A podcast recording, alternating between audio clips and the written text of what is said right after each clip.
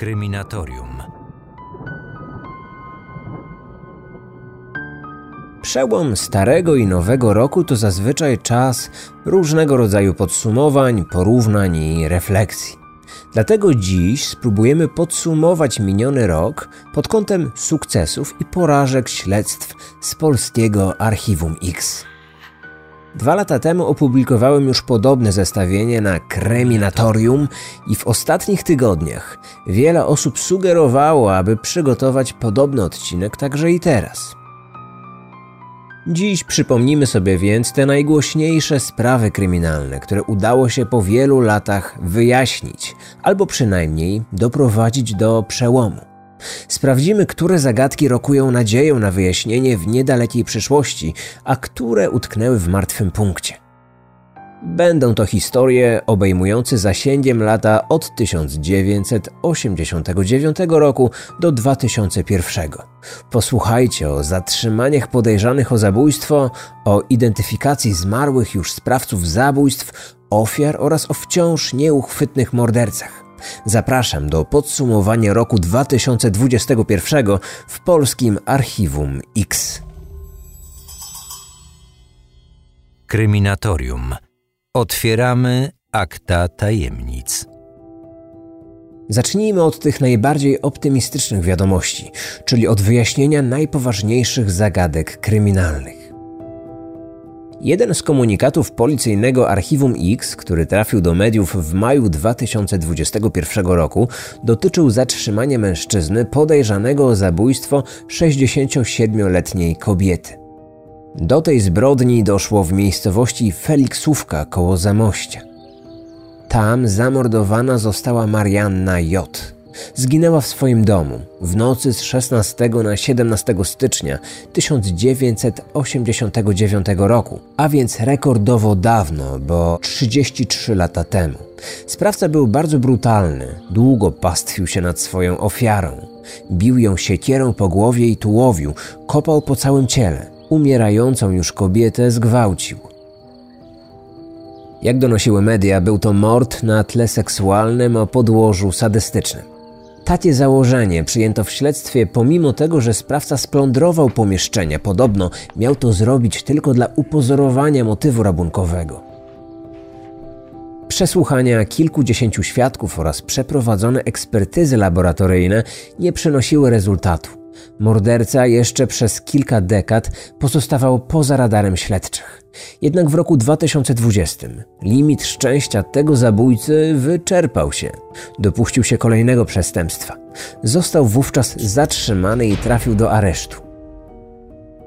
Rutynowo pobrano od niego próbkę profilu DNA, która jak się później okazało, idealnie pasowała do profilu bestii z bo taką nazwę nadały mu media. Jak czytamy na serwisie TVP Info, zatrzymanym był 67-letni Waldemar H. Mężczyzna był w przeszłości karany za gwałty, usiłowanie zgwałceń i znęcanie się nad rodziną. Wtedy przebywał w areszcie podejrzany o kolejny gwałt. W miniony piątek w prokuraturze okręgowej w Zamościu Waldemarowi H. przedstawiono zarzuty zabójstwa i zgwałcenia Marianny J. Mężczyzna nie przyznał się do popełnienia tych czynów. Stwierdził, że nie pamięta, co się działo ponad 30 lat temu. Sąd aresztował go na trzy miesiące. Za zabójstwo ze szczególnym okrucieństwem grozi nawet dożywotnie więzienie. Ten przypadek zasługuje na uwagę z jeszcze jednego powodu. Otóż zatrzymanie tego domniemanego sprawcy nastąpiło po ponad 32 latach od popełnienia zbrodni. Warto to podkreślić, ponieważ e, obecnie w niektórych mediach i na niektórych forach internetowych, na grupach na Facebooku wciąż można spotkać mylne sugestie, że zbrodnie zabójstwa ulegają przedawnieniu po 30 latach. Taki przepis obowiązywał, ale kiedyś. W 2016 roku doszło do pewnych zmian na tym polu i okres karalności zabójstw został wydłużony o kolejne 10 lat, jeśli w ciągu pierwszych 30 lat zostało wszczęte postępowanie. A w tym wypadku właśnie tak było. W praktyce oznacza to, że śledczy mają teraz 40 lat na to, aby rozwiązać tajemnicze sprawy zabójstw. Po tym czasie, nawet jeżeli uda się ustalić sprawcę, to on i tak pozostanie bezkarny. Gdy publikuję podobne materiały, w komentarzach zawsze pojawia się kilka głosów mówiących, że zabójstwa w ogóle nie powinny się przedawniać, że morderca schwytany nawet po 50 czy 60 latach także powinien odpowiedzieć za swój czyn. To jest zawsze kwestia sporna. Możemy podyskutować o tym w komentarzach na YouTube. Drugi przypadek zatrzymania sprawcy po wielu latach dotyczy zabójstwa 30-letniej pielęgniarki z Białego Stoku. Pani Agnieszka D. została napadnięta wieczorem 16 sierpnia 2001 roku w drodze powrotnej z przystanku autobusowego do swojego bloku. Atak miał miejsce na słabo oświetlonym terenie w pobliżu przedszkola pomiędzy ulicami Jurowiecką i Nowogródzką. Również i w tym wypadku napad miał podłoże seksualne. Pielęgniarka została zgwałcona i pobita do nieprzytomności. Ofiarę przewieziono do miejscowego szpitala, ale niestety kobieta już nigdy nie odzyskała przytomności. Jej walka o życie zakończyła się porażką. Zmarła 5 lutego 2002 roku, a więc niemal pół roku po napadzie. Bezpośrednią przyczyną zgonu było niedotlenienie mózgu. Śledczy zabezpieczyli jednak materiał biologiczny, który sprawca pozostawił na miejscu zbrodni i to właśnie tego rodzaju ślad po raz kolejny przyczynił się po wielu latach do wytypowania mężczyzny podejrzanego o zabójstwo. Opinia publiczna dowiedziała się o tym pod koniec czerwca ubiegłego roku. Podlaska policja wydała wtedy specjalny komunikat, w którym możemy przeczytać między innymi w 2020 roku sprawa trafiła do archiwum Mix. Najbardziej doświadczeni funkcjonariusze służby śledczej wspólnie z prokuratorami zaczęli ją wnikliwie analizować. Śledczy, prowadząc szereg dodatkowych czynności z jednoczesnym wykorzystaniem najnowocześniejszych metod badawczych, ustalili podejrzanego o te zbrodnie. Śledczy ustalili również miejsce jego pobytu. Okazał się nim 42-letni białostoczanin, który ukrywał się w Anglii, w jednej z miejscowości na południe od Manchesteru. Na wniosek prokuratury okręgowej w Białymstoku został wydany nakaz aresztowania w Wielkiej Brytanii. Podejrzany został zatrzymany w piątek 18 czerwca w miejscu zamieszkania. Śledczy zainicjowali już procedurę deportacyjną do Polski. Za to przestępstwo grozi kara dożywotniego pozbawienia wolności. Mężczyzną tym okazał się mający w momencie ataku 22 lata mieszkaniec Białego Stoku, a nie jak wcześniej przypuszczano, obywatel któregoś z państw za naszej wschodniej granicy. Dodajmy jeszcze, że atak z 16 sierpnia 2001 roku był przez sprawcę zaplanowany, choć wybór ofiary był przypadkowy. Okazało się, że na kilka minut przed tragicznymi zdarzeniami prawdopodobnie ten sam mężczyzna usiłował zaatakować inną kobietę, ale nieprzewidziane okoliczności spowodowały, że w ostatniej chwili został spłoszony. Niestety nie zrezygnował z samego zamiaru pobicia i zgwałcenia jakiejś kobiety. Oddalił się w ciemnościach na niewielką odległość, odczekał chwilę i spostrzegł idącą chodnikiem Agnieszkę D. Wtedy zaatakował ponownie. Niestety pielęgniarka nie miała już tyle szczęścia co poprzednia ofiara.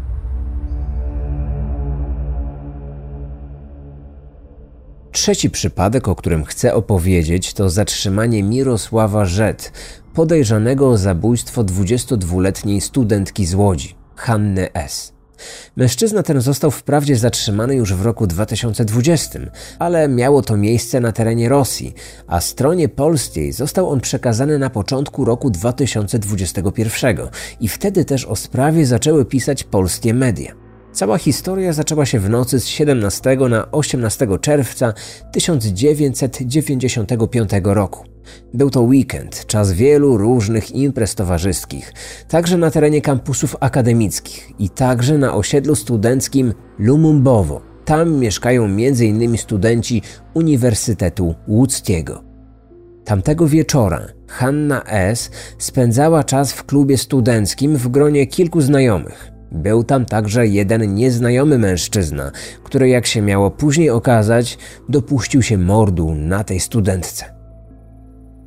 Po trzeciej nad ranem Hanna poczuła się zmęczona i postanowiła wrócić do dziesiątego domu studenckiego, gdzie wynajmowała pokój.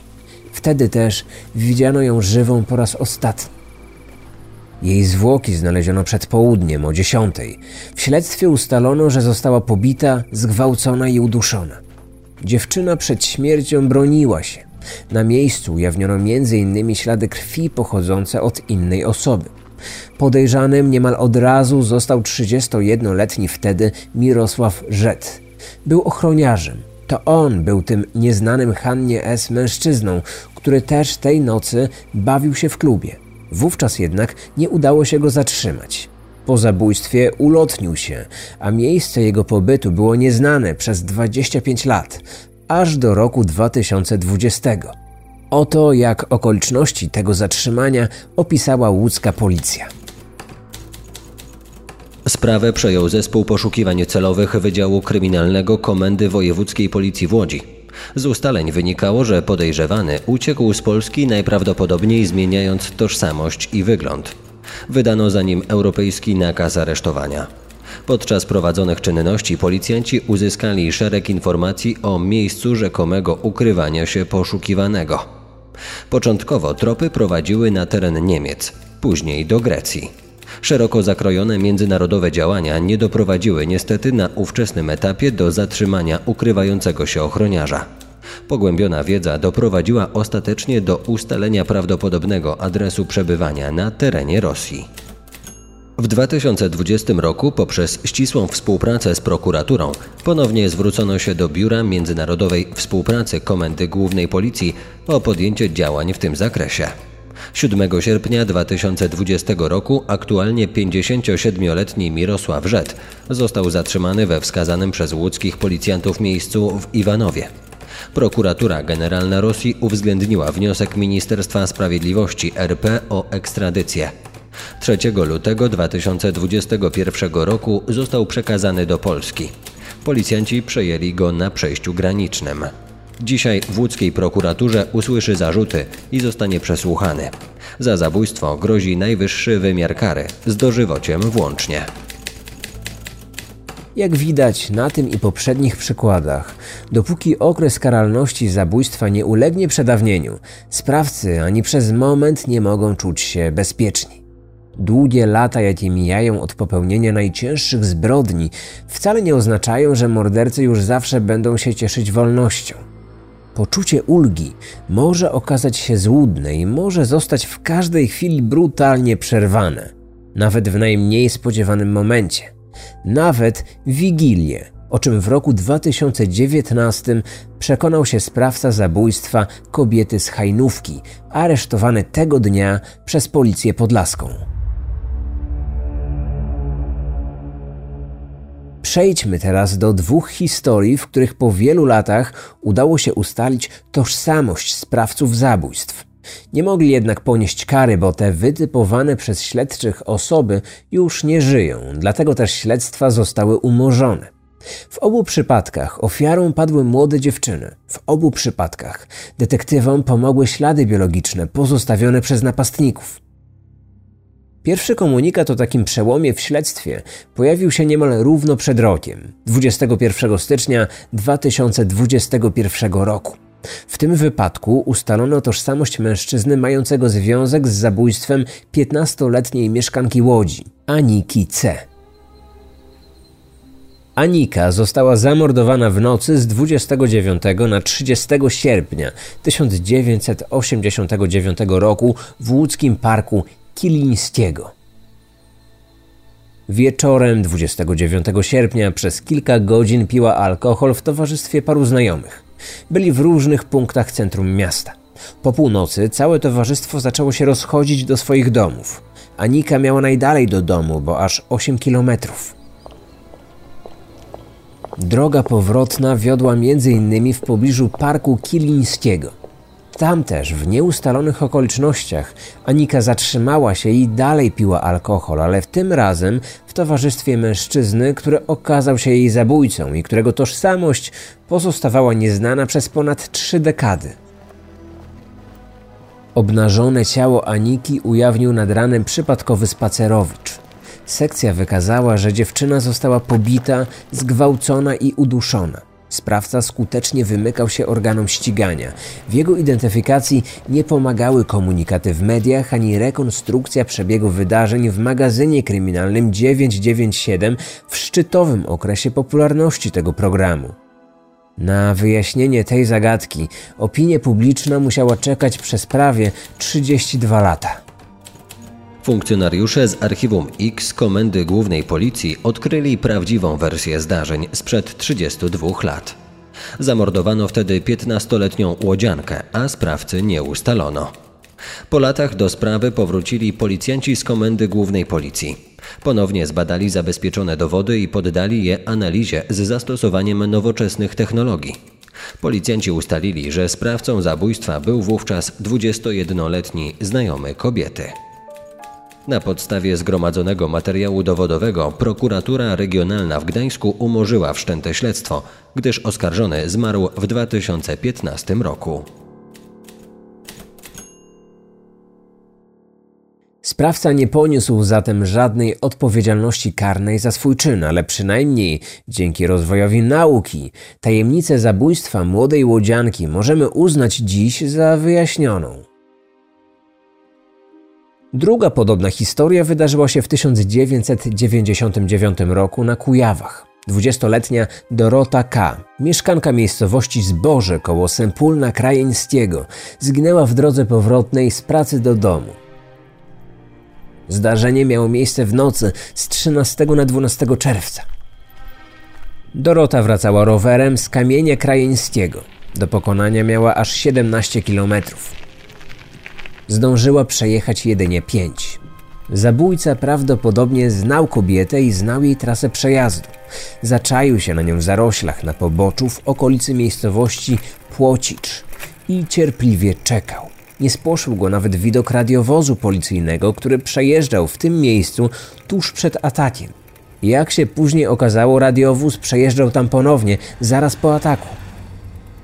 Sprawca zaatakował kobietę z zaskoczenia. Zrzucił z roweru, zaciągnął na pobocze i udusił.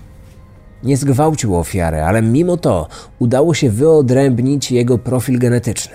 Ofiara miała zapas nogciami na skórę koprawcy. I dzięki tym śladom policjanci z Kujawsko-Pomorskiego Archiwum X po raz kolejny zdołali wyjaśnić zagadkę zbrodni z lat dziewięćdziesiątych. Komunikat o przełomie pojawił się niemal dokładnie w 22. rocznicę mordu. Po niemal 22 latach do sprawy wrócili prokuratorzy z prokuratury okręgowej w Bydgoszczy i policjanci Wydziału Kryminalnego Komendy Wojewódzkiej Policji w Bydgoszczy. Ponownie przeanalizowali akta śledztwa, zwracając szczególną uwagę na osobę Alojzego P., to jest mężczyznę, który był widziany krytycznej nocy na zabawie nad jeziorem Mochel. W sprawie pojawił się także świadek, którego zeznania rzuciły nowe światło na przebieg zdarzeń prowadzący do śmierci dziewczyny. Zabezpieczone jeszcze w 1999 roku dowody i ślady poddano ponownej analizie z zastosowaniem nowoczesnych technologii. Rozwój nauk sądowych, w tym genetyki sądowej, pozwolił jeszcze raz poddać badaniu wyskrobiny spod paznokci pokrzywdzonej. Podczas ponownych przeprowadzonych kilkukrotnie badań biegłym udało się ujawnić materiał genetyczny, zaś jego profil okazał się być zgodny z profilem Aloizego P. Śledztwo w sprawie zabójstwa Doroty K. umorzono wobec ustalenia, że sprawca zbrodni zmarł. Pewnie niektórzy z Was zwrócili uwagę, że wszystkie pięć omówionych przypadków miały jeden wspólny mianownik. We wszystkich ofiarą padały kobiety w godzinach nocnych lub późnowieczornych i we wszystkich do wyjaśnienia sprawy przyczynił się rozwój badań genetycznych. Sprawcy pozostawili na miejscu zbrodni ślady biologiczne, które po kilkudziesięciu latach pozwoliły powiązać ich ze zbrodniami i oznaczyć piętnem mordercy. Dlatego też większość przypadków wyjaśnień zagadek kryminalnych sprzed wielu lat dotyczy przede wszystkim przestępstw o charakterze seksualnym.